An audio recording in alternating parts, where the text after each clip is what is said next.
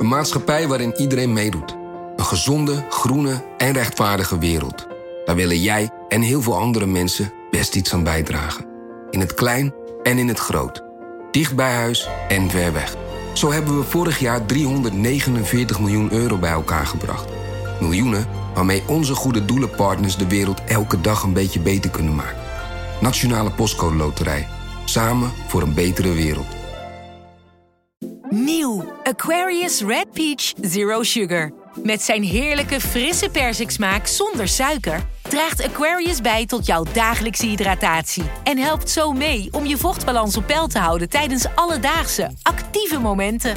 Thuis, op het werk of onderweg. Ook verkrijgbaar in smaken lemon en orange. Probeer hem nu. Hey Lucas hier. Een kleine waarschuwing toch aan het begin van deze aflevering. Omdat het uh, onderwerp uh, waar we het over gaan hebben, kindoffers en mensenoffers. Uh, ja, dat, dat is vrij heftig en kan, kan je als heel gruwelijk ervaren. En, en we zullen ook wat details bespreken over hoe dat vroeger ging. Um, als je nou daar liever niets over wilt horen, dan moet je deze aflevering misschien even overslaan. Volgende week zijn we er weer met een veel kindvriendelijker onderwerp.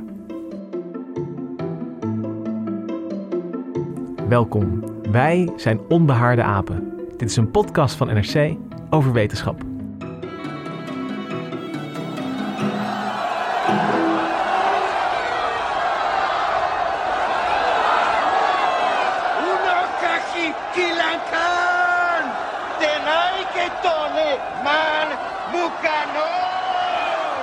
Je hoorde hier een klein fragment uit de film Apocalypto uit 2006, een film van Mel Gibson.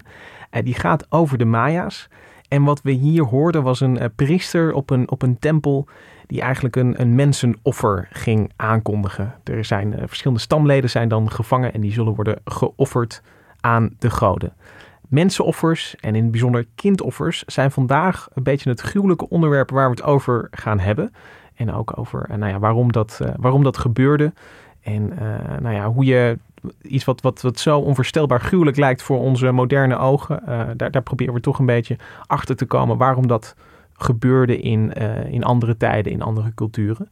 En uh, we beginnen daarvoor straks in Peru, op een strand waar recentelijk grote sporen van een groot mensenoffer zijn ja, gevonden. Kinderoffer zelfs. Een kinderoffer. Um, en dan gaan we daarna gaan we even, dan zoomen we uit en dan gaan we het weer hebben over nou ja, wereldwijd. Mensenoffers. Mensenoffers overal in alle tijden. Uh, daarvoor zit hier aan tafel Hendrik Spiering. Hallo. Je hebt hier recent een groot stuk over gehad in NRC. Naar ja. aanleiding van één vondst eigenlijk. Ja, van die vondst uh, op het Peruaanse strand ongeveer 1450. Een uh, cultuur die de voorganger is van de bekende Inca-cultuur. Die daar dus een, een, een militair rijk had gevestigd aan de kust van Peru.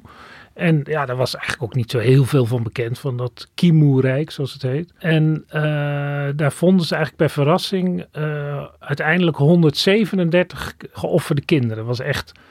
Ik heb daar begin maart een stuk over geschreven, toen het wetenschappelijk onderzoek verscheen. En nu, vorige week, een stuk over ja, de bredere context. En ik herinner me nog dat toen ik dat stuk over die kinderoffers... en eigenlijk ook die aanloop naar een groter stuk... ja, het, gaat, het is een onderwerp gaat je onder je huid zitten. Want... Het, het raakt je wel een beetje, Ja. toch? Ook al is het, eh, speelt het zich me- meer dan 500 jaar geleden af. eh, toch gewoon de, de, de koude feiten, zeg maar. Zoveel kinderen op Hoe één kan strand. het? Hoe kan het? Ja, en eh, nou ja, dat gaan we ook vandaag proberen ja, te verkennen. Dus over Ja. dat strand straks meer. Eh, mijn naam is Lucas Brouwers en eh, we zijn met z'n tweeën vandaag, Hendrik. Alle andere wetenschapsredacteurs zijn op vakantie. Ja, die weigeren over kinderoffers te praten. Snap ik wel ergens. Eh, dus we zijn vandaag met z'n tweeën, maar ik denk dat we er eh, wel uit gaan komen.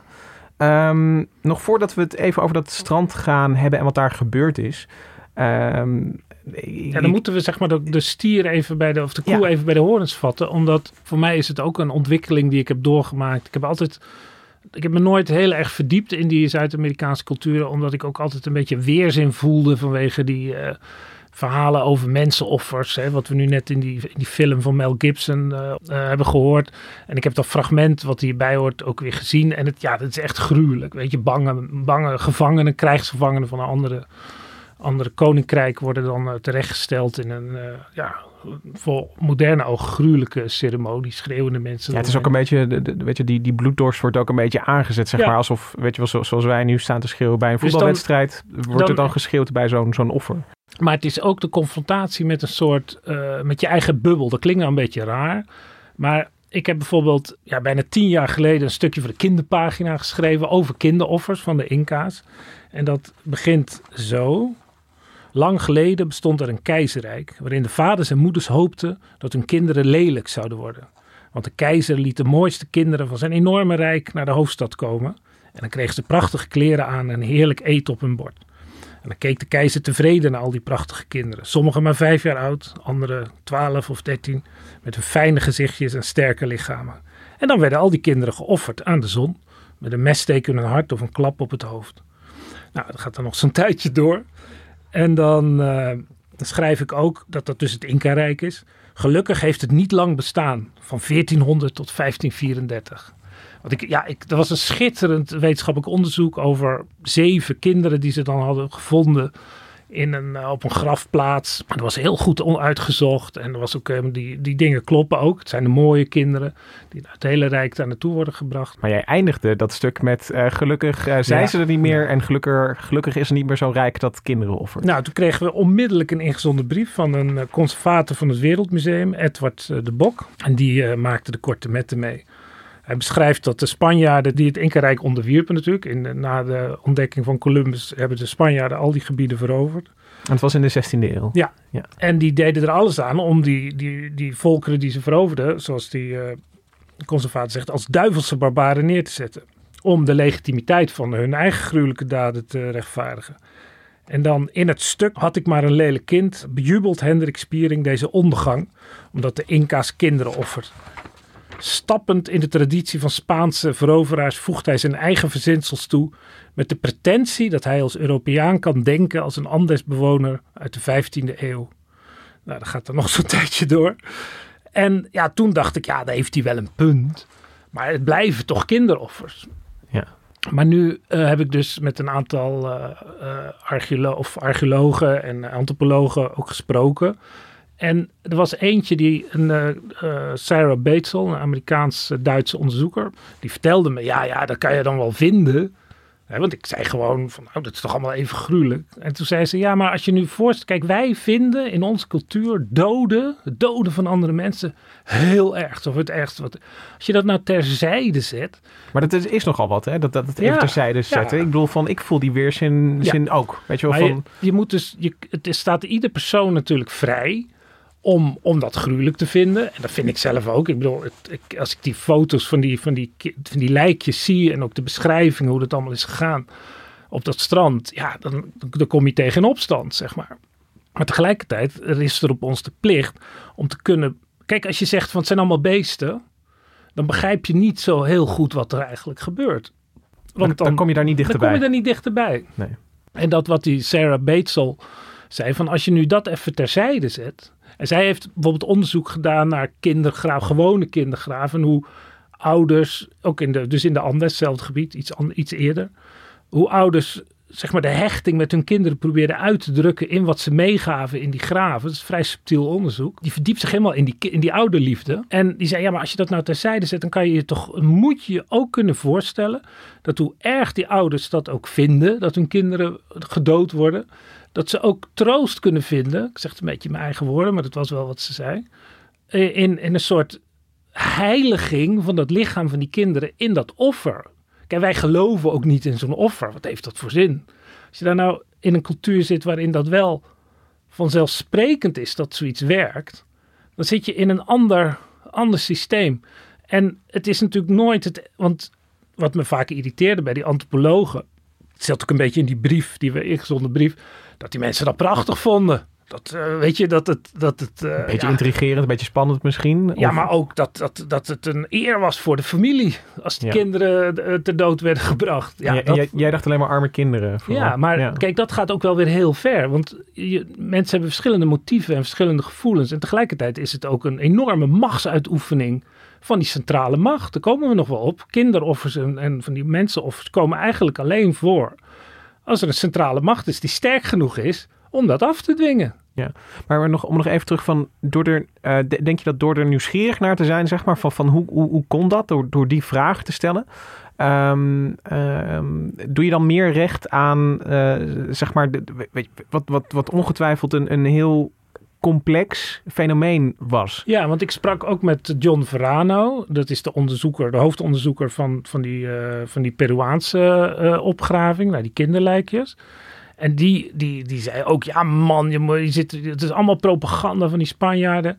En de Spanjaarden hebben nooit zelf zo'n kinderoffer of mensenoffers. Want dan gaat het dan vooral. Kinderoffers waren eigenlijk niet bekend bij die Spanjaarden. Behalve die van de Inca's, maar dat was kleinere schaal. Die, die mensenoffers waren ze nooit bij. Ze allemaal verhaal op verhaal. Dus werd ook steeds, steeds gekker. Want er is bijvoorbeeld een verhaal wat je ook nog wel leest. Dat er op één moment bij een, een of andere Azteekse keizer waren er 80.000 uh, krijgsgevangenen terechtgesteld of geofferd. Maar er waren zeg maar, maar twee offerplekken in, in Mexico, in die stad. Nou, daar hebben ze handige antropologen zitten rekenen. Nou, dat lukt je nooit. Omdat, dat doe je, doe je wij spreken een jaar over, dat je die 80.000, dus dat kan per definitie niet waar zijn. Dus die verhalen zijn al overdreven, maar niemand ontkent dat het ook is gebeurd. En dat het ook uh, schering en inslag was. En dat het ook bijvoorbeeld, uh, zijn, dat is een moeilijke kwestie, maar dat schijnt toch wel zo te zijn dat er dat bijvoorbeeld de elite dat, dat vlees ook opat. Dat er ook een soort cannibalisme bij was. Daar zijn verhalen over. Ja, en dat... Ik heb, ik heb onderzoeken gevonden. Er is een school die ontkent het pertinent. Er zit ook altijd heel veel van dat... dat omdat er zoveel propaganda bij zit, kan je alles eraf strippen. Dan blijft er niks over. Want er zijn ook bijvoorbeeld de tekeningen die de Azteken dan van bepaalde offerplechtigheden hebben. Die we dan via andere verhalen weer horen dat er mensen geofferd. Dan zie je alleen maar het oorbloeden van de keizer dat is dan het symbool, ja, is dat dan een symbool voor een mensenoffer? Want het, er zitten hele ingewikkelde mythes achter ook. Maar wat ik nou wou zeggen was, die Verano, die zei, ja, als je het nu vanuit de Azteken bekijkt, die zouden hebben kunnen zeggen dat die Spanjaarden geen enkel gevoel voor menselijke waardigheid hadden. Want de Azteken die hadden een oorlogsreglement uh, waarbij je van tevoren moest zeggen als je je ging aanvallen, en je probeerde zo min mogelijk mensen dood te slaan in, die, in, een, in een strijd. Er waren ook regels voor. En je nam ze gevangen. En dan in een, in een feestelijke plechtigheid, in, waarbij ook die krijgsgevangenen zeg maar tot zeg maar gesacraliseerd werden eigenlijk, werden ze geofferd. Ze zijn even dood natuurlijk. Maar die Spanjaarden, die gingen er gewoon in, die slachten iedereen af. Dat vonden zij in strijd met de menselijke waardigheid. Ja, dus, dus voor de. Als je, ja, dus je, je kunt je ook de Azteekse propaganda voorstellen van wat, wat voor barbaren de Spanjaarden wel niet waren. Ja. Dat ze zich niet hielden aan de elementaire regels van, van respect op het slagveld. Bijvoorbeeld. Ja, ja. bijvoorbeeld. En dat, dat zij dat. Ja, ik, ik wil ook niet pleiten om het te vergoeilijken of zo. Nee, op geen nee, enkele wijze. Maar, maar de moeilijke lijn die we dus, dus gaan lopen is uh, uh, dat, dat aan de ene kant uh, ja, blijft. En, en dit is een reflex die bijna heel moeilijk is om te onderdrukken. Van, van dat, dat mensenoffers is voor onze moderne uh, gevoeligheid is dat iets, iets gruwelijks. Dat ja. blijft. Aan de andere kant moeten we dus niet in de, in de, gaan we dus niet in de valkuil proberen te trappen van uh, wat, wat een barbare en, en uh, wat, een, wat een door en door slechte mensen die, die, die zoiets uh, gruwelijks uh, konden doen, waren dat. Ja, dat, dat, dat, dat, daar blijven je, we ook van weg. Dat mag je vinden, maar ja. je kunt niet beter begrijpen hoe zo'n samenleving in elkaar zit. Wetenschappelijk kom je daar niet verder mee.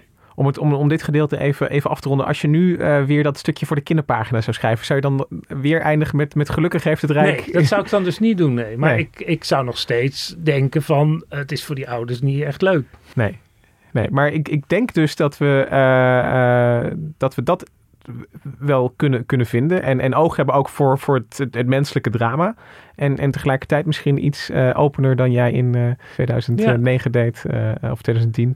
Ja, want je bent toch ook komen natuurlijk uit een hele koloniale periode waarin al die primitieve volkeren die niet westers en niet christelijk waren, ja, alles wat als, als maar een, als bij de Azteken of de, de Inca's maar een lijk werd gevonden, zal wel geofferd zijn. Ja, dus, dus uh, daar gaan we uh, ja, proberen wat orde in aan te brengen. En, en dus nou ja, kijken ook hoe de wetenschappers van nu eigenlijk omgaan met, met die erfenis van toen.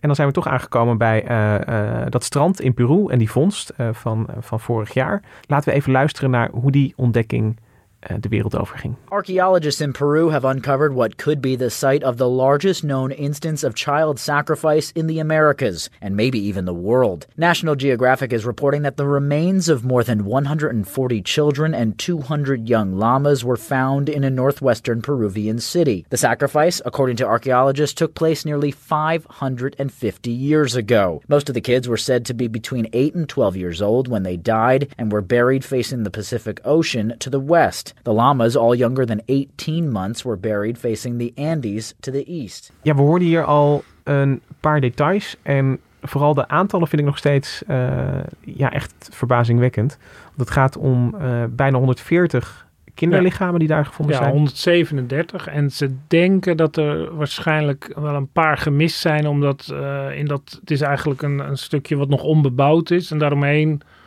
ja, staan al huizen. Dus daar is misschien een ongevoelige bouwondernemer die dacht, nou, uh, oude bot. Uh, ja, ja.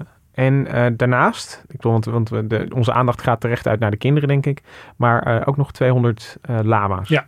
En dan jonge lama's. Ja, dus de kinderen die zijn tussen de 5 en 14 jaar oud. En de meeste, ik weet niet precies hoeveel, tussen de 8 en 12.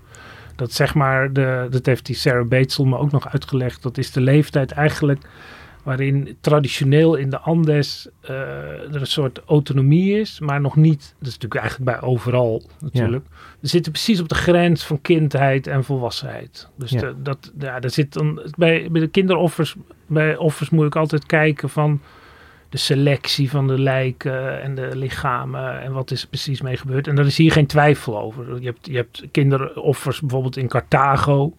Daar vinden ze dan hele jonge baby's op een bepaalde manier. En ja, er is enorme strijd over. Waren die kinderen nou doodgeboren? Ja. Of zijn die doodgemaakt? Dat maakt nogal een verschil. Want het is uitgesloten dat het hier gaat om een kinderbegraafplaats bijvoorbeeld. Ja, omdat alle, alle kenmerken van uh, begraafplaats, uh, die zijn er niet. Er zijn geen bijgiften. De kinderen hebben allemaal dezelfde soort kleren aan. Eenvoudige uh, katoenen uh, wades, lijkwades zou je dan bijna zeggen. En ze zijn ook de volgens mij allemaal hebben ze een, uh, een wond, een, een snijwond in de borst. Dat het borstbeen is opengesneden en dan een beetje opengemaakt, zodat waarschijnlijk, en hier komt het gruwelijke waar je al voor waarschuwde natuurlijk, uh, het, het nog kloppende hart eruit is gehaald. En zo is dat bij die lama's ook gedaan.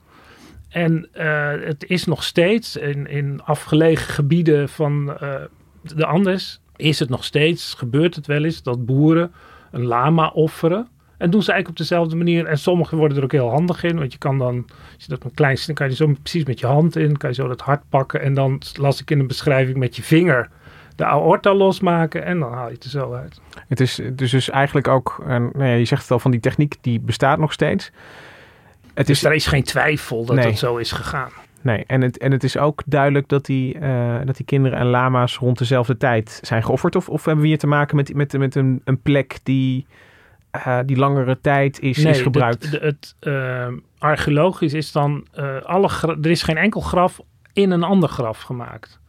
Dus ze liggen allemaal los van elkaar. En dat is meestal een bewijs voor archeologen dat het op één moment is gedaan. En het is ook allemaal even diep. Er zijn een paar uitzonderingen, maar het, het, het klopt helemaal dat het in één keer is gedaan. En ze hebben ook door een wonderlijke samenloop van omstandigheden ook nog voetstappen gevonden. Want het is een soort droog strand wat dan heel nat was door enorm noodweer. Ze denken dat er ook misschien een verband was tussen dat noodweer en die, uh, en die offers. Dus ik heb ook oude erosiegeulen uit die tijd gevonden. En dus dan, dan kun je je voorstellen dat dat dan weer afgedekt is en dan blijven die, die, die voetstappen bewaard. En ja, er heel veel kindervoetstappen en vrijwel geen volwassenen. Nee, dus de, de scène waar we niet omheen kunnen is, is toch uh, uh, ja, 137 kinderen minimaal op een strand. Al die lama's ook ja. op dat strand. En allemaal op die manier die jij net beschreef en om het leven gebracht. Ja, de kinderen worden dan ook ritueel begraven met het gezicht naar de zee. En de lama's liggen allemaal met hun kop naar de, naar de opkomende zon, naar het, uh, de, de bergen. Ja, oké. Okay. Nou ja, de, het, het is natuurlijk een, uh, een hele bijzondere vondst. En jij hebt die, die archeoloog uh, die je net al noemde, John, John Verano, Verano, die heb jij daar ook over gesproken. En hij heeft ook over zijn, zijn eerste reactie toen hij nou ja, de eerste lichamen vond, heeft hij ook verteld. So I've seen everything from cemeteries to pyramids to you know habitation sites But there are certain things that get, that grab my attention, like this did. Um, when I first heard about it, I thought, well, a bunch of burials of kids in the sand in the beach. You know, what, what's the story? But once I saw pictures and got to see the skeletons, I realized this was a very different. This was not just a cemetery. This was a very special thing. Um, and we are doing our best to record everything we can about this material, and then try and figure out what's the story. Ja, je hoort hier al een beetje van als uh, uh, antropoloog, archeoloog, dan ben je natuurlijk wel gewend aan. Ik bedoel, dan, dan schik je niet van, van een bot. Ja, hij uh, heeft ook opgravingen gedaan bij de Moche. Dat is weer de cultuur die weer voor de Kimu zit. Rond het jaar duizend ongeveer. En die, die hebben ook echt flinke mensenoffers gebracht. En hij heeft ook daar dingen gevonden bij tempels, verbleekte beenderen. En, ja, maar hij zegt hier ook van, nou ja, dit, dit was ook voor mij bijzonder. Ja. Ik bedoel, dit, dit ben ik ook niet eerder tegengekomen. Hoewel me wel opviel dat hij vooral zegt, what's the story? Ja, hij is heel erg benieuwd naar het verhaal. En daar ben ik ook benieuwd naar, want, want je hebt het al een paar keer genoemd. Je noemt het uh, de, de beschaving en het, en het rijk erachter noem jij de, de Kimu. Ja. En uh, nu, nu weet ik iets minder van, uh, van Midden- en Zuid-Amerikaanse indianen dan, dan jij. Ik, ik ken de Inca en ik ken de Azteken. Ja. En ik denk dat dat voor veel mensen... En de Maya. Dat, dat zijn ja, de drie de, uh, indianen de, die De Maya en Azteken die zitten eigenlijk in elkaars verlengde. Want dat is zeg maar een, een heel simpel gezegd. En uh, alle conservatoren zullen wel brieven gaan sturen nu als ik het uh, heel bot vertel. Maar, Doe dat vooral. Podcast.nrc.nl Precies. Maar simpel gezegd is de... Midden-Amerika heeft een, een hele lange traditie van culturen. En dan rond uh, 200 na Christus tot ongeveer 1000 heb je de Maya's. En dan, daarna krijg je de, die ook met die tempels in de oerwouden die later worden teruggevonden. Dat is een uh, grote beschaving. Losse steden, als ik het goed heb. En, maar die, dat wordt, je hebt dan de postklassieke periode Maya's. En die komen eigenlijk uit in de, in de Aztekentijd, rond 1400 en daarna, of eigenlijk al iets eerder. En dat, ja, dat is eigenlijk gewoon dezelfde cultuur zoals je hier in West-Europa ook verschillende periodes hebt. Maar dus ja. je kunt het Maya's noemen, je kunt het ook Azteken noemen. Dus de, de, de Azteken waren zeg maar de midden, Midden-Amerikaanse uh, in, Indianenrijk, uh, wat de Spanjaarden ja, tegenkwamen toen ja, ze... dat was het belangrijkste rijk. En de, in, de Spanjaarden hebben het ook veroverd dankzij de vijanden van de Azteken. Omdat er was een enorme oorlogscultuur. Hè, wel streng gereguleerd, hebben we net gehoord. Ja. Maar uh, die Azteken hadden veel vijanden in, in naburige uh, gebieden. En die hielpen de Spanjaarden te veroveren. Niet beseffend dat ze ook aan hun eigen ondergang meewerkten natuurlijk. Ja. Ja, en dan uh, gaan we, dat, dat is Midden-Amerika. Dat is Midden-Amerika. Dan heb je Zuid-Amerika. Dan heb je langs de kust van Peru. heb je een lange reeks van culturen. Ook vanaf, ja, ik weet niet hoe ver het teruggaat, maar zo rond 800 à 1000 heb je daar de Mocha-cultuur. Dat hebben we net al even gehad. Die hebben, deden ook aan mensenoffers. Daar heeft die Verano ook nog uh, onderzoek aan gedaan. En dan heb je dat Kimu-rijk. Dat wordt zeg maar eigenlijk een stadje wat dan steeds heel militaristisch georganiseerd. Dat verovert dan een groot deel van het kustgebied.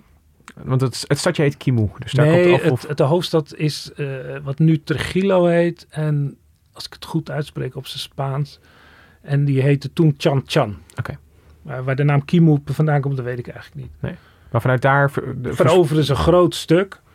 Uh, vanaf 1300, 1350. En worden daarna eigenlijk overvleugeld door de iets zuidelijker gelegen Inca-rijk. Die eigenlijk precies hetzelfde doet. En dan op een gegeven moment die Kimu overneemt. Die, neemt gewoon, die verovert dat rijk en gebruikt dan ook de ambachtslieden om allemaal mooie dingen. De elite wordt ook weer ingelijfd. En, ja, en is het, uh, want je noemt het al, de, de, de, de mensoffers. Uh, om, om, straks kunnen we misschien over kindoffers gaan hebben. Mensoffers zijn wel een, een terugkerend thema voor zowel de Midden-Amerikaanse uh, rijken als de Zuid-Amerikaanse. Ja, want ik heb ook gesproken met een een onderzoekster van uh, Human Sacrifice. Ze heeft er net een boekje over geschreven, Lerke Recht. En die zegt, ja, er zijn... Als je nu naar de, over de hele wereld naar mensenoffers kijkt... dan, dan zie je het eigenlijk overal. Maar het is bijna altijd uh, niet, zeg maar, systematisch. Niet dat je, zeg maar, honderden jaren lang... worden er dan mensenoffers gedaan. Want je hebt bijvoorbeeld aan het begin van de Sumerische cultuur... dus dan zitten we weer helemaal in uh, het Midden-Oosten... 3000 voor Christus, dus 5000 jaar geleden heb je een aantal koningsgraven gevonden in Ur. Ja, daar vind je dan 70 mensenoffers in. Keurig gerangschikt en uh, met bepaalde kleren aan. Als een soort bijgift uh, aan, dat, aan die koning. Dat is natuurlijk een enorm symbool voor macht. Maar het is niet zo dat je in dat hele Midden-Oosten een soort dat zie je een aantal keren en dan weer uh, verdwijnt het. Ja. En uh, er zijn eigenlijk twee plekken waar mensenoffers ja, op grote, relatief grote schaal en routinematig eigenlijk als onderdeel, vanzelfsprekend onderdeel van de religie en de cultuur is. Dat is een hele, de, eerste dynastie van de Chinezen, de Chang-dynastie, de Shang. En dat moet je je voorstellen, 1600 tot 1000 voor Christus. Daar heb je ook lange tijd bij koningsgraven, maar ook bijvoorbeeld uh, onder fundamenten van gebouwen. Worden dan ook lijken gevonden, ook heel ritueel op de vier hoeken van dat gebouw of op een andere manier. En ook uh, plekken in dorpen, vrij bijzonder, want meestal is het de sterke staatsmacht die dat afdwingt. Als symbool uh, ook van de macht. Maar dan vind je het ook in dorpen, kleinere dorpen, die doen het dan ook. En dan zie je ook mensen, of, maar dan verdwijnt dat weer. En je ziet bijvoorbeeld bij de grote, de eerste grote keizer, waar we dan echt veel van weten, de, de Qin-keizer en 200, waar iedereen die, graaf, die grafbeelden van kent. Dat is eigenlijk, die, die grafbeelden zijn eigenlijk een soort in plaats van de mensenoffers. En de tweede? Zuid, Zuid- en Midden-Amerika. Ja. Laten we even luisteren naar een stukje over uh, dat, dat verschil met uh, uh, de, dat offer wat je net beschreef en, en de Inca's die dus daarna komen en, en de offers die daar gevonden zijn. En dan luisteren naar een stukje van Emma Brown, die vertelt daarover aan de BBC. And there were three bodies found um, a 13 year old girl and two young, younger children, too. One a, a four year old boy, another five year old girl. So quite a macabre discovery, though, because they were the victims of child sacrifice, a practice that was quite common during the Inca time. So these extensive tests have been done on them. What did they show, these tests? Well, they were actually looking at their hair because your hair can actually tell you quite a lot about the sorts of um, foods and drinks you've been ingesting.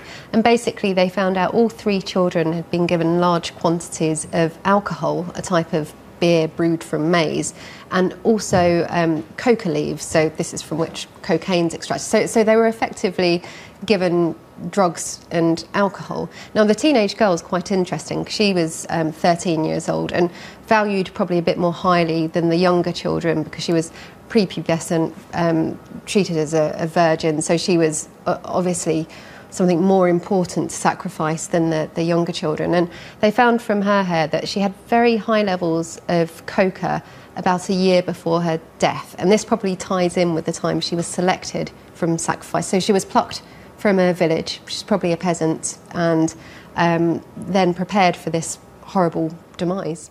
Ja, nu vind ik het wel een goed moment om, weet je, van woorden hierover nog een voorbeeld over dat, dat die, uh, die Inca-kinderen ook, uh, nou ja, in, in de tijd naar het offer Ja. toe, zeg maar, op een bijzondere manier behandeld werden.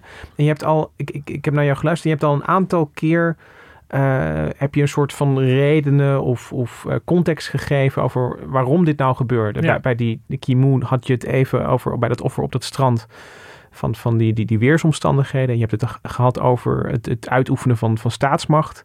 Ja, dat Uh, loopt ook allemaal door elkaar. ja, want ik vind het wel goed om dat de even- kinderoffers op die bergen, want dat, die, die, die Inca-offers die zijn dus eh, eh, op veel kleinere schaal. Dat waren er iedere keer twee of drie. Die ene keer waar ik dan dat stukje over schreef waren het er zeven of acht. En die worden dan eh, dus heel ritueel, heel hoog op een berg, soms 5000 meter, worden ze dan eh, vaak aan de elementen overgelaten en dan sterven ze. Maar omdat het daar zo koud is, kun je dus al dat moderne onderzoek doen. En dan kun je dus ook Dan die rituelen dan- terughalen. Dat ze dus die, die coca krijgen en eh, eigenlijk dronken werden gevoerd. Het geeft ook wel aan dat het ook niet echt vrijwillig ging, natuurlijk. Nee. En, en nou ja, goed, ik kan me ook voorstellen dat het dan uh, dat dat ook past in een, in een soort bijzondere behandeling. Want, want dat Ja, soort. want bijvoorbeeld eh, de Inca's en bij de Kimu kun je uit. eh, ze hebben geprobeerd een beetje DNA, een beetje isotopenonderzoek op die botten te doen. Het, het heeft nog niet veel opgeleverd, maar je kunt ook bijvoorbeeld de herkomst van die kinderen kun je afleiden uit de vorm van het hoofd. Die eh, verschillende culturen in de bergen en aan de kust, die hebben bepaalde vervormingen van het hoofd, net even verschillend. En dan blijkt ook dat die kinderen in, eh, van het Kimu-rijk op dat strand waarschijnlijk niet uit de kust kwamen, maar verder uit de bergen. Dan kun je zien dat Dus ze dat bijvoorbeeld uit- weinig, weinig zeevoedsel gegeten hebben, bijvoorbeeld. Of, ja, of, of- het is, dan, dat dan weer niet, maar meer uit het hoofd, eh, de hoofdvorm. Maar dat onderzoek loopt nog. Maar het lijkt erop dat net als bij de Inca's worden uit alle gebieden van dat rijk als een soort eenwording. Zoals van spreken nu kinderen uit iedere provincie bloemen gaan aanbieden bij de koning. Ja. ja, het is een rare vergelijking misschien. Ja, het is net Koningsdag geweest. Dus, ja, uh, daarom zit het, ja. iedere provincie zet zijn best een beetje voor. En dat is laat de centrale macht ook zien waartoe ze in staat zijn. Er zit altijd die dubbele betekenis in. En, maar dat brengt ook een soort eenheid in het Rijk. Omdat het is zoals de, de meeste mensen kennen de film The Hunger Games. Ja, daar, doet, daar moest ik eigenlijk al de hele tijd aan denken terwijl je dit aan het vertellen was. Want het verhaal in de Hunger Games is dat er een, een, weer een burgeroorlog geweest is. En het, het, het weet je wat, is de, de nieuwe staten van Amerika, ik weet niet precies hoe ze heten, zijn dan weer samen. Maar, 1 tot en met 13, toch? Ja, en, en om dat te herdenken moeten uh, ieder jaar toch uh, twee uh, ja, uitverkoren slash gedwongen. gedwongen vrijwilligers. ja, zelfs uit de rijke gebieden, die doen ook mee. And so it was decreed that each year the 12 districts of Pan Am shall offer up in tribute one young man and woman between the ages of 12 and 18 to be trained in the art of survival and to be prepared to fight to the death. This is the time to show them everything. Make sure they remember you. Goed, dus dan moeten ze tegen elkaar vechten. Dat is weer een ander soort verhaal. Maar het, het, het idee dat iedereen dan dat er een soort gemeenschappelijk ritueel wordt gedaan. En dat wordt dan natuurlijk in het Inca en het Kimoerrijk niet op de televisie uitgezonden. Maar dat, is dan toch kennis van. Want dat gaat natuurlijk niet uh, onopgemerkt als die kinderen worden meegenomen. Maar ja, waarom deden ze het? Uh, er wordt vaak gedaan van ja, dat was dan voedsel voor de goden. Van, uh, wij eten de mais op. En de mais werd als goddelijk gezien. Dus moeten we iets teruggeven. Dan geven we het bloed van de mensen weer terug. Maar als je nu naar die mythes gaat kijken die daaronder liggen krijg je een heel ander soort verhaal. Dat er ook een morele component in zit, een vernedering en, en, en, en eerbied voor de goden. En helemaal niet dat simpele voedingsidee. Want dat is natuurlijk ook wel weer een beetje van de kolonialen proberen zo simpel mogelijk af te stellen en zo dom mogelijk. Het is vaak veel ingewikkelder dan dat. Want het, was dit uh, van de Inca's, weten we het al langer? Van, ja, van, van kinderen op ja. En, en is het nou dat, dat, dat die strandfonds, was dat de eerste keer dat we eigenlijk een, een kijkje krijgen in, in, in deze traditie nou, de, van de Kimo? Of, er, of was, er was een opgraving uh, van rond 1410, 1420, dus iets eerder in het Kimo-rijk, op een iets andere plek ook. En die was eind jaren 60 gedaan. En dan vonden ze eigenlijk hetzelfde als nu. Uh, vermoorde kinderen en vermoorde lama's. Samen in één pakket. En, maar er waren hele andere aantallen. Er waren iets van 17 kinderen. Best veel natuurlijk. Maar uh, Verano die zei ja... Zijn die kinderen vermoord? Zijn die geofferd of niet? Want de botten zijn zoek. En toen hebben ze dat, dat bottenonderzoek niet zo goed gedaan. Dus dan wil je daar nu naar kijken, maar niemand weet waar die botten zijn. Dus die zijn weet, ergens in een, in een museum ja, verloren. Die liggen in een doos ergens. Want ik wil ook wel weten van... Uh, ja, je, je, kunt ook een dier offeren. Dat hebben ze ook gedaan, die lama's. En, en, maar zit er nog een... Um, is, Zit er dan ook nog een gevoeld verschil tussen... Uh, kijk, het komt allebei heel dichtbij. Een, een, een lama is een kostbaar dier, kan ik me voorstellen. Ja. Weet je, van als je dat offert, daarmee... Dat, dat, dat is ook echt een offer. Je brengt ook een offer. Ja. Weet je, van, van, van je, je doet jezelf een beetje zeer uh, om, om een grotere macht ja, het, te behagen. Het, ja, dat, dat is de interpretatie van uh, Verano. Dat ze denken, ja... Er was een uh, El Nino-event, zoals dat dan heet. Dat is een klimatologische omslag die met de temperatuur van, uh, of eigenlijk een weersomslag die met de temperatuur van het oceaan te maken heeft. En dat duurt even. Dan kunnen enorme rampen gebeuren. Regen waar het anders niet is, droogte waar het anders niet is. En dat dat, dat, dat, land op zijn grondvesten zat te schudden. En dat dit dan de enige manier was waarop ze de goden. Nou, dat lijkt aannemelijk verhaal, want je ziet ook wel die, die uh, regensporen. En die Sarah Batesel die zei ook, ja, het is nu toevallig ook daar weer zo'n zo'n El Nino event. Nou, dat natuurlijk in de moderne samenleving hakt het er niet zo in, maar je ziet wel enorme ontreddering op allerlei gebieden.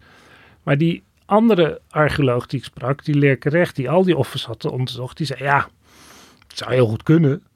Maar het is ook iets wat wij graag willen horen. Dat het zo erg was dat ze wel kinderen moesten offeren. Dat het bijna een noodgreep was. Ja, maar, maar, maar, maar wat, wat, ik wil, wat ik wil weten, is een, is een kindoffer, wordt dat dan ook als een groter offer gezien? Uh, of, of kun je daar iets over zeggen dan, dan een offer van een lama bijvoorbeeld? Of een, ik noem maar wat, een kip? Ja, dat is allemaal een beetje speculeren natuurlijk. Het, het, het is wel zo dat, uh, en dan, dan spreek ik even over mensenoffers in het algemeen, over de hele wereld, dat er is, zijn nergens mensenoffers waar niet ook dieren worden geofferd. Het zit in mekaars verlengde. En dan vaak worden ook dezelfde technieken gebruikt. Dat zie je ook bij dat, uh, hoe je, hoe je, wat je beschreef over hoe dat uh, ja. de borstkas wordt opengemaakt. Ja. En, en... En uh, je, moet, je moet wel al een beetje offeren en dan kan je ook mensen gaan offeren. Je begint niet zomaar met mensen te offeren. En er is altijd een duidelijk besef dat een mens bijzonderder is dan een dier. Dat zijn het soort van zelfsprekendheden. Maar er zijn natuurlijk een aantal uh, in de literatuur een aantal redenen om te offeren. Die zowel voor mensen als voor dieren gelden. En ook voor uh, ja, het plengen van wijn. Of, of, of het offeren van een stukje textiel, bij wijze van spreken. Het klassieke verhaal is uh, onder, wat, wat al in de 19e eeuw in de, antropo in de antropologie en uh, terugkomt. En wat je ook ziet aan dat idee van we moeten de goden te eten geven voor de mais die we krijgen. Dat is met een Latijns woord do ut des. Ik geef opdat jij mij geeft. Dus je geeft iets terug. Er zit een wederkerigheid Wederkerigheid. Ja, dus het zeg maar een hele menselijke uh, verklaring eigenlijk. Je wil iets en dan offer je iets en dan krijg je iets terug. Want dat is, dat is ook wat je uit de, zeg maar, de normale menselijke interactie uh, verwacht. Weet je, ja. van, van Hendrik, ik, uh, ik, ik ruim jouw uh, schuur op en dan help jij mij morgen met de oogst. Ja, je kan ook zeggen van dat op een iets ingewikkeldere manier is onze lieveer wil dat we goede daden verrichten. Nou, dan doen we dat en dan komen we in de hemel. Hè, dat, ja, ik, er, er zit een, een, soort, een soort handel is het eigenlijk. Qui pro quo zeggen ze ja, dat toch ook? Quid pro quo. Quid, sorry. maar goed, als je daar dan, dat is natuurlijk ja, een soort mechanistische verklaring. Maar daarmee verklaar je bijvoorbeeld niet waarom die uh, doden mee worden gegeven in zo'n graf van de koning.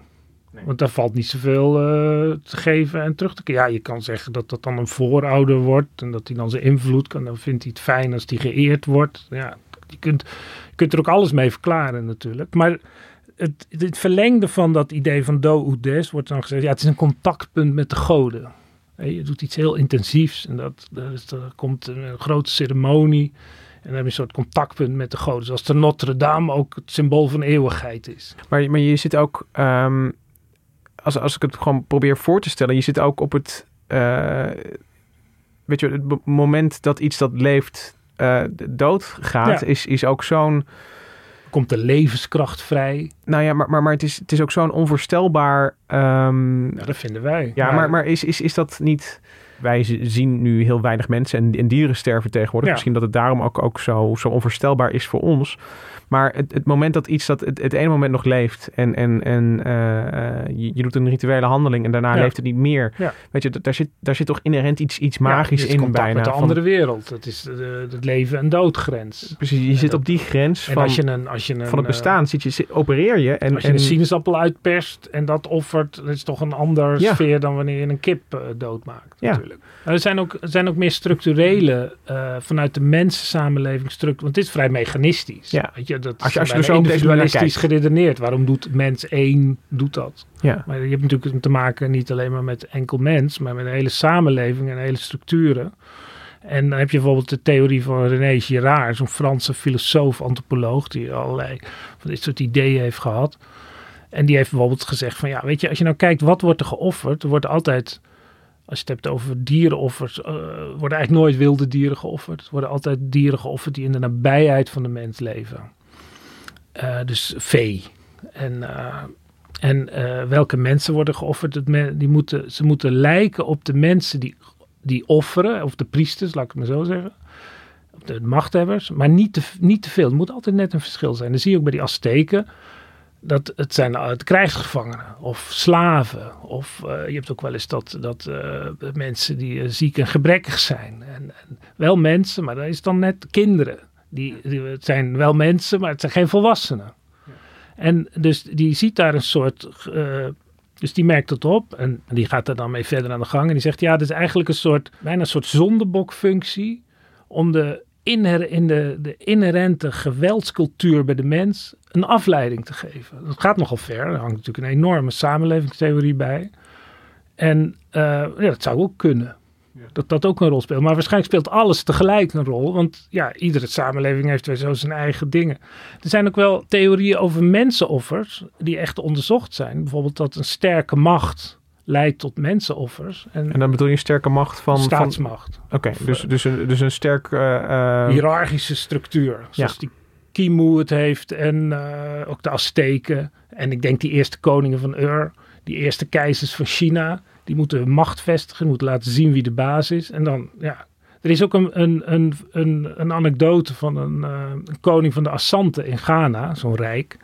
Die dan tegen de Engelsen zegt van ja, mensenoffers kan er wel mee stoppen. Maar hoe hou ik dan de mensen eronder? Ja. Ja, dus, het is dus... een beetje apocrief volgens mij, maar het typeert wel een beetje die sfeer van denken. En, en, er zijn ook bewijzen voor dat het dat zo is. Dat, dat hoe sterker de, de, de, de machthebbers, uh, hoe autoritairder die, die zijn, hoe meer er geofferd wordt. Ja, dat is natuurlijk moeilijk te bewijzen, want ja, hoe doe je dat? Maar toevallig hebben ze een paar jaar geleden een heel goed idee gehad. Je hebt in de Stille Oceaan eindeloos veel eilanden waar allemaal mensen wonen. Je hebt allemaal zo net een verschillende structuur. De ene eiland heeft een meer gelijke cultuur. Hè, van, dat, er weinig hiërarchie is, weinig sociale gelaagdheid. De anderen hebben dan hele erg gelaagd. Een koning die alle macht heeft. En een machtige adel. En verder uh, mensen die niks te zeggen hebben. Zo heb je allerlei verschillen. En dan blijkt dat uh, bij gelaagde culturen, dus hiërarchische structuren, meer mensenoffers voorkomen dan bij gelijkwaardige. En ook zo dat als je een beetje uh, gelaagde sociale structuur hebt en je gaat om wat voor reden dan ook mensenoffers doen, dan wordt die structuur uh, uh, nog hiërarchischer. Dus het heeft een invloed, het is een machtsmiddel. Ja. En dat staat dus helemaal los van, van wat die Sarah Bates al zei, van die gesacralisering van dat lichaam. dat, dat is dan weer de culturele kant. Je hebt altijd een politieke kant en een machtskant. Maar dat hoeft niet te betekenen dat die mensen in de kimoe dat ze ja, hun kind zullen ze nooit graag afstaan. Maar ze kunnen toch een soort troost vinden in een bepaald religieus, cultureel idee. Wat voor ons onmogelijk zou zijn. Want, want we hebben het nu over, over mensenoffers en, en kindoffers um, een, een, een, beetje door elkaar gehad. En, het loopt ook heel vaak door elkaar. Maar dan vind ik het ook goed om nog even stil te staan bij... Uh, want, want we hebben het over, over verre plekken, over, over China lang geleden en, en over uh, Zuid- en Midden-Amerika. Om even bij stil te staan dat het ook uh, in ons eigen niet zo heel verre verleden misschien nog een rol speelde. Uh, want ik was een paar jaar geleden in het Drents Museum en daar ligt het, uh, het meisje van Ide. Ik, ik vond het wel indrukwekkend om te lezen dat uh, ik, ik, wist dat er veenlijken bestonden en dat die er waren. Maar dat het hier ook mogelijk gaat om een offer dat is gebracht. Voorjaar 1897. Boerenarbeiders vinden in een veentje bij de Runsloot de overblijfselen van een jong meisje uit een ver verleden. Ze leefde in de laatste fase van de ijzertijd, groeide op in een nederzetting in de omgeving van Ide haar ouders hadden daar een eenvoudig boerderijtje waar ze een paar koeien, wat schapen en geiten verzorgden. De mensen uit het dorp vereerden de Germaanse goden. Het landschap zat vol met mystieke plekken waar geheimzinnige rituelen plaatsvonden. Maar hoe kwam het meisje van Ide nu in dat ventje terecht? Onderzoekers stelden vast dat ze pas 16 was toen ze met een wollen band om haar nek om het leven werd gebracht. Ook was haar hoofd voor de helft kaal geschoren. Werd ze geofferd? Stierf het meisje in het veen om de goden te kunnen verzoenen? We weten het niet. Ja, we hoorden hier een stukje uit uh, een, een, serie uh, prehistorische uh, fragmenten uit van Geopark De Hondsrug. Um, dat meisje van Ide, Hendrik, dat, dat, nou ja, je, je komt misschien bijna wel alles in samen. Want, want geheimzinnige rituelen op duistere plekken. Ja, en ja, uh, ze, ze, ze, was, ze was 16, dus, dus uh, met, met een beetje uh, goede wil kun je dat ook nog met een, ja, een kind offer. Grens, ja. ja. Sommige van die uh, Mensen of kind of die, die veel van die veenlijken zijn ook volwassenen. Ja, maar het, het is um, ja, ook, ook hier blijft weer, uh, en, en daar komen we ook niet, uh, daar vinden we ook het antwoord uiteindelijk niet op. Uh, hier, hier, komen we ook niet uit. Ik bedoel, ja, je, je, ziet dat ze met zorg is, is ja, dat, dat, is omgebracht ten eerste. Het belangrijkste is dat je eerst vaststelt wat. Wat ja. is hier gebeurd? Is het iemand die verdwaald is in het veen of verdronken? Die vind je dan toevallig terug? Nee, dat is duidelijk niet het geval, want ze is aan één kant geschoren. Ze heeft dat wurgtouw om de nek. Ze heeft zelfs een, een wond in de schouder waar misschien een mes in is gestoken. Wat je ook vindt bij die veenlijken bij de ene heeft het meer dan de ander. Dat je duidelijk is dat het een, uh, een moord, zeker rituele moord is. Maar dat er ook stokken over staan om het lijk onder water te houden. Waarom dat dan is, is ook niet duidelijk.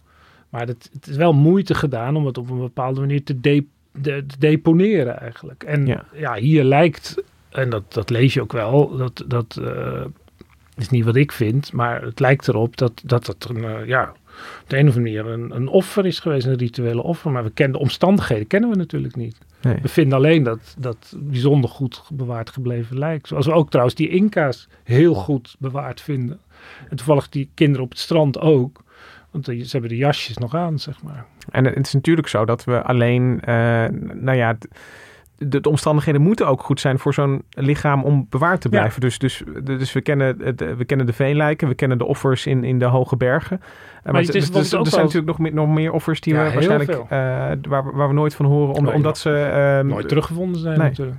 Maar eh, er is kennelijk misschien wel moeite gedaan. Misschien waren die mensen in die tijd ook bekend met de conserverende werking van dat, van dat zuurstofloze veen. En, en, en die bepaalde looizuren die daarin zitten. Dat misschien is wel expres zo om het aan de eeuwigheid te geven. Ja, we weten het niet. Er zijn we ook bij de Friesen iets later. Dat is dan uit christelijke verhalen. Dat moet je dan altijd met een korreltje zout nemen. Want het is altijd, er is niks beters dan je tegenstanders beschuldigen van rituele kindermoord. Christenen zijn door de Romeinen ook altijd beschuldigd van kindermoord. Dat ze dan nachtelijke bijeenkomsten hadden waarbij ze dan een kind vermoorden en dat opaten. Dus dan later worden de Joden daar weer van beschuldigd. Het is een, een eeuwige terugkeer van als je iemand zwart wil maken, dan beschuldig je van kindermoord. In de. Bijbel komt het ook voor natuurlijk. Ja. Abraham, die offert, die krijgt het idee dat hij Isaac, zijn enige geboren zoon, moet offeren. In de Koran is het dan Ismaël, de stamvader van de Arabieren. En eh, ja, dat doet hij eigenlijk op het allerlaatste moment niet, omdat er dan wordt ingegrepen. Maar Ja. ja, het is wel bijna gebeurd. En er zijn ook wel theorieën dat het eigenlijk wel gebeurd is, maar dat ze het verhaal later aangepast hebben. Nu wil ik toch, eh, nu we hier helemaal gekomen zijn, tot weer, weer tot ver in de Bijbel zijn we op een of andere manier weer uitgekomen. Ik kan het nog een paar anekdotes. Het offer van Jef, Jefta bijvoorbeeld. Om toch weer helemaal terug te gaan naar het begin. Ik bedoel, we leven nu in een tijd, in, in, in de samenleving waar een, een mensleven heilig is. In ieder geval. Nou, Dat kan je zeggen, maar ik heb ook een hele discussie gevonden. ja. Dat dus de executies in de Verenigde Staten, Amerikaanse discussie, eh, als mensenoffers worden gezien. En dan denk je, hè, dat is toch gewoon een, een juridische eh, zaak. Ja, maar als je dan kijkt naar het ritueel waarmee dat om, omgeven is, met de ideologie die er vaak achter ligt. Toevallig nu laatst met die eh Ku Klux Klan man die geëxecuteerd is. Dat het, het, het, het, het kwaad moet worden uitgeroeid. Dat mag niet blijven bestaan. En daar zijn die, zijn die mannen, het zijn maar allemaal mannen, het symbool van. En die, die gaan er dus aan. Even los van natuurlijk het juridische gedeelte. Ja. En want bij de eh Azteken was het ook zo. Dat is, van, het is dan een anekdote van dat die keizer Montezuma van de Azteken tegen zo'n conquistador zegt. Ja, wat moet ik anders doen met die krijgsgevangenen en die ter dood veroordeelden? En nu kunnen er nog nuttig gebruik van maken. ja. Dus het is al win-win, bij wijze van spreken. maar is, Ja, maar- even, dwalen af. Nee, Maar, maar, die- maar je hebt het fundament onder mijn vraag ook eh vakkundig weggeslagen nu. Want ik, want ik, ik, ik ging, eh, ik, ik, ik wilde ja, toch een beetje terugpakken op, op van, ja, leven we nu in de, in de afwijkende tijd, zeg maar? Of in ieder geval in een, in, in, in, een, eh, in, een, in een bijzondere tijd waarin we toch, toch ehm, ja, die, die, die mensenoffers dat, dat verlaten hebben. Maar als ik, als ik jou nu, nu goed hoor, zeg je eigenlijk van ja, dus- zover zijn we er niet vandaan als je naar een, een, een eh, Verenigde Staten kijkt waar, waar de doodstraf nog steeds een ook Ja. eh, naast zijn juridische straf, een strafrechtelijke discussie, functie hè, ook een zijn- rituele functie heeft. Ja, Ja, ja, ik bedoel wat, wat, je, ja. wat, je- wat je kan be- betwisten, maar ehm, zijn we nu op een punt gekomen dat we dit op zijn minst kunnen, kunnen begrijpen? Of, of, of blijft het, is, is het, laat ik het zo vragen, is het, is het hier bij, bij een kwestie als dit, bij kindoffers, bij mensenoffers, is het dan, eh, want, want de geschiedenis en de, de hele archeologie, dat is één grote oefening in, in je verplaatsen in Ja. de ander. En dan heb je hier eigenlijk eh, een, niks, beters, eh, niks beters examen dan dit. ja, ik, ik bedoel, van dit, dit is de grootste uitdaging, lijkt me ook voor de, de, de archeologen die, de, die, Ja. die, die, hier, die hiermee Ja, bezig er zijn. zijn natuurlijk ook nog wel wandaden die recenter zijn verricht in Europa. Die we Ja. hè, in de, de Holocaust, in de Tweede Wereldoorlog. Ja, weet je, waar, het, hoe onschuldig zijn wij? En, en, en, en allerlei. Je hebt natuurlijk ook het verschil dat wat, wat wij als zeg maar een, een noodzakelijke. Bijvoorbeeld de verovering van een land of zo. eh, Er vallen weet je, de bombardementen die Nederland uitvoert op ISIS. Waar ook blijkt dat er allerlei burgerslachtoffers bij vallen. Ja, ja zo gaat dat. Jammer. Ja, eh, Ja, dat zijn ook doden. Mensen die zijn even dood. ja, Dus je komt in een heel moeilijk, eh, evenwicht tussen het, het, het strenge definitie van mensenoffers. Van nou, het moet binnen een bovennatuurlijke situatie zijn. Hè. Er moet een, aan een, Een hogere, ritueel. hogere macht, een ritueel. Ja, en, en, en een terechtstelling eh, in de Verenigde Staten. Ja. Het is allemaal omgang met de dood. Maar het, het is ook wel prettig om die, die, die, die, die, die, die mensenoffers in hun isolement te zien. En dat, ja, wij doen dat natuurlijk niet. Dat is ook zo. Er worden geen mensenoffers gebracht. Want die, die, die, Niet zo letterlijk in ieder niet geval. zo letterlijk, nee. De Nee. lichamen worden ook niet van de tempeltrap geworpen. Nee, nee. En zo, ehm, zo, zo zijn die kinderen en mensenoffers toch een, een, ehm, ja, toch een soort spiegels. Dus ze het is stellen een allemaal weer vragen terug. Dat, Nou, dat, dat gevoel heb ik, Ik nu. heb er echt enorm mee geworsteld. En het, ik worstel er eigenlijk nog steeds mee. Omdat ja, je, hebt, je, je, je hangt op twee gedachten. Je wil eens begrijpen hoe het mogelijk is. En dan moet je dus bepaalde logica accepteren. Het is een soort Harari-momentje eigenlijk. Iedereen die die boeken van Harari heeft gelezen, vooral die historische dingen, dat je dan leest dat het moderne humanisme eh, eigenlijk eh, typisch 18e eeuws is en dat, ja, dat we denken dat dat normaal is. En hij beschrijft dat heel goed. Dat je dan word je heel erg geconfronteerd met je eigen bubbel. En dat, dat had, heb ik nu ook. En het is dus ook een, ik vind het een moeilijk onderwerp. Ja, nou, dankjewel dat je hier toch over wilde praten. Want, want dat, eh, ik, ik, ik denk dat je het, dat je het heel erg eh, goed hebt aangepakt door er in ieder geval wel nieuwsgierig naar te zijn. En, en eh, je erin te verdiepen. En, en ik denk, en, ik, en dat begrijp ik ook heel goed als mensen denken van ja, dit, dit, dit, eh, dit, dit vind ik te gruwelijk. En, en, en hier heb ik liever niets aan. Maar eh, ik denk wel dat het hele interessante vragen, eh, belangrijke vragen oproept over wie we Ja. zijn en, en hoe we in elkaar zitten. Uiteindelijk. Laten we daarbij eindigen. Laten we daar maar mee eindigen. Ja, Het dat is goed. Het is genoeg geweest. Ehm Micha Melita, heel erg bedankt voor de productie van deze aflevering. Wij zijn er dus volgende week weer met een eh, bijzondere uitzending. Tot dan. Die gaat over martelen. Nee, die gaat niet over martelen, Hendrik.